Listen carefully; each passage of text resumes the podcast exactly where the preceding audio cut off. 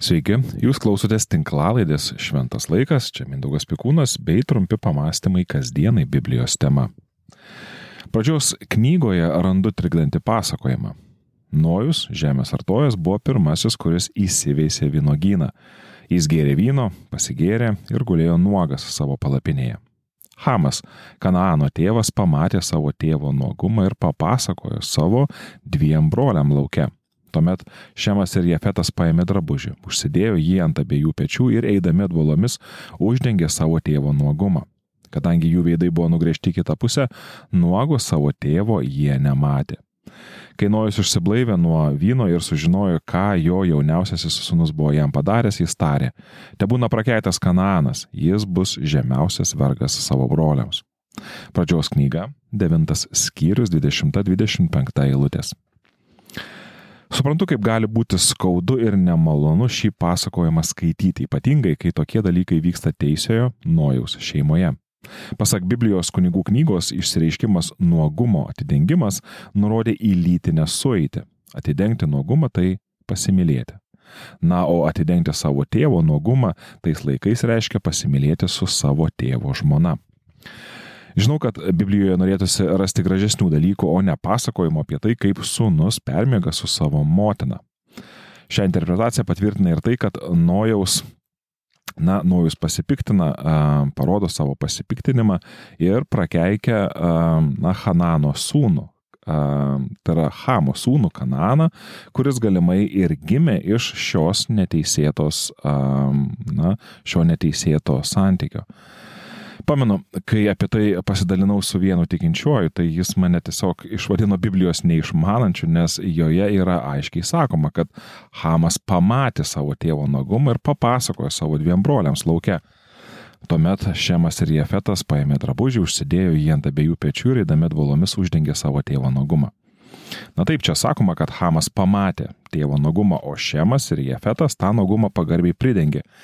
Ir aš turiu pripažinti, kad, na, ne viską žinau ir ne viską suprantu, tačiau kiek keista būtų skaityti, kad vėliau Nojus prakeikė savo sūnų ir ypatingai savo anūką už tokį elgesį.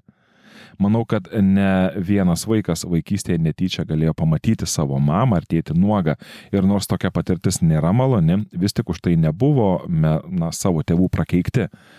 Aišku, galima pasakyti, nojus dienomis buvo kitaip. Tėvų nuogumo pamatymas būdavo didelė nuodėmė. Gal, nors Biblijoje tam patvirtinimo ir nelabai randu. Manau, kad čia gali vykti kai kas daugiau. Manau, kad Hamo, na, Hamo elgesyje atsiskleidžia, na, galbūt arba šitame momente, um, atsiskleidžia Hamo charakteris, jis pamato galimybę ir tokiu būdu pabando įtvirtinti savo valdžią kai prieš Dovydą sukilo jo sunus Abišalomas, tai pirmas dalykas, kurį jis padarė, tai permiegojo su savo tėvo sugulovėmis. Abišalomo patarėjas Ahitofelis taip patarė busimam karaliui Abišalomui. Sueik su savo tėvo sugulovėmis, jo paliktomis rūpintis rūmais, kad visas Izraelis išgirstų, jog tu išdrysai užsitraukti savo tėvo pyktį ir taip sustiprėtų visų tave remiančių rankos.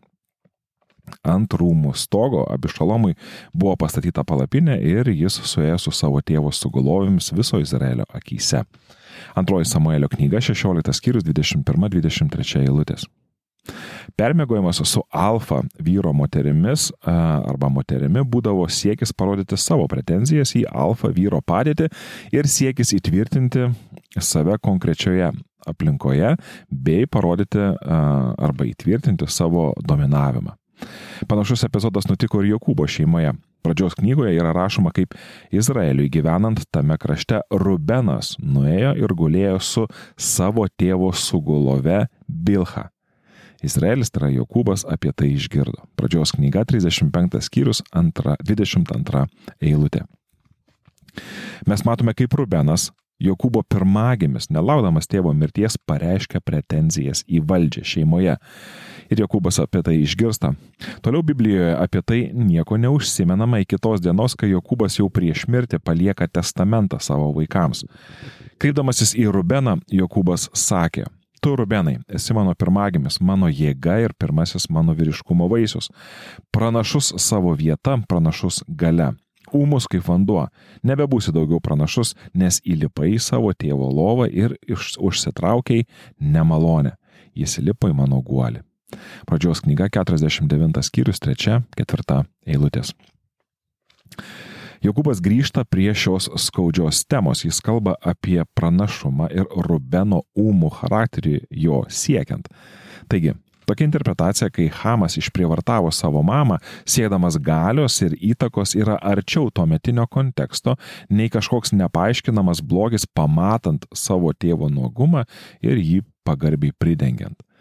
Žinoma, vaikui pamatyti savo tėvo nuogumą gali būti traumuojantis įvykis, tačiau Biblijoje yra pabrėžiama ne nuodėmės pasiekmių sukeliamos psichologinės traumos, o greičiau jos sužadintas noras išsikelti, rodyti savo valdžią bei pranašumą prieš kitus. Nojus tai sužinojęs prakeikė Hamą ir palaimino savo du likusius sūnus - Šemą ir Jefetą. Šlovė viešpačiui Šemo dievui kalbėjo Nojus. Te būna Kananas jiems vergas, te padaro Dievas vietos Jefetui, te leidžia jam gyventi Šemo palapinėse, o Kananas te būna jų vergas. Pradžios knyga 9 skyrius 26-28 eilutės. Pastebėkite, kad jaunesnis sunus Šemas yra išaukštinamas. Jis yra pasirenkamas būti giminės tiesėjų, per kurį po daugybės šimtmečių į mūsų pasaulį gims Jėzus. Tačiau pastebėkite ir tai, kad ta palaima pasidalins ir pirmagimis Jefetas. Jefetas nors ir pirmagimis netaps Jėzaus genealoginio medžio dalimi. Tačiau tu neprivalai būti išrinktas, kad taptum uh, priimtas arba patirtum palaimą. Dievas gali kažką išskirti iš minios, tačiau tai nereiškia, kad likusius jis atskiria nuo palaimos. Po tvano esame supažindinami su kiekvieno Nojaus sunaus genealogija. Ir aš noriu atkreipti dėmesį būtent į Hamo genealogijos medį. Hamo palikonis buvo Kušas, Egiptas, Putas ir Kanaanas. Kušui gimė Nimrodas, pirmasis galiūnas žemėje. Jis buvo smarkus medžiotojas viešpatės akise. Todėl sakoma smarkus medžiotojas kaip Nimrodas viešpatės akise. Jo karalystės pradžia buvo Babilonas, Erechas ir Akadas - miestai Šinaro krašte. Iš to krašto jis išėjo į Asiriją, kur pastatė Ninevę. Pradžios knyga 10 skyrius 6-11 eilutė. Įdomu pastebėti, kad iš Hamo kilo egiptiečiai, babiloniečiai ir asirai. Šios tautos nuolat kovos su Dievo tauta. Tačiau jos, jos taip pat yra tik vienos iš daugelio, kurių valdžia bus paremta prievarta, žiaurumu ir išnaudojimu. Skaitydami biblinį pasakojimą toliau mes sužinome, kad Nimrodas pastatė miestą Babiloną, kuris vėliau taps sinonimu Dievo priešo miesto, kuriame buvo liejamas nekaltųjų kraujas. Panašiai kaip Kainas, Halmas simbolizuoja tuos, kurie pasirenka nuodėmės kelią konkurencijos, išnaudojimo, pavydo, žeminimo ir galios kelią. Kelią, kuris veda į kraujų suteptą miestą. Biblijos pirmieji pasakojimai mums atskleidžia blogio pasiekmes, kurių nereikia laukti ilgai. Nuodėmė užsikrėtęs žmogus negali susitaikyti, kad Dievas laimina ir kitus ir neketina laukti Dievo ir ima reikalus į savo rankas. Biblija pasakoja, kaip nuodėmė kursto pavydą ir siekia dominuoti bei skatina rinktis skriaudą bei prievartą. Ji taip pat pasakoja ir apie Dievo gerumą. Dievas dažnai nesielgia sulik mūsų nuodėmėmis. Jis leidžia saulį šviesti ir lietų įlyti ir ant teisiųjų ir neteisiųjų. Tačiau Hamo ir dar daugelio kitų gyvenimiškas pavyzdys liudyja, kad netgi tada, kai žmogui atleidžiama jo nuodėmė ir atleidžiama už pasidavimą a, tamsai ir nuodėmiai, a, na ir tiems skirtingiems tos nuodėmės apsireiškimams bei vilionėms, jie priima tai kaip leidimą toliau gyventi, pasiduodant pavydui ir valdžios siekimui.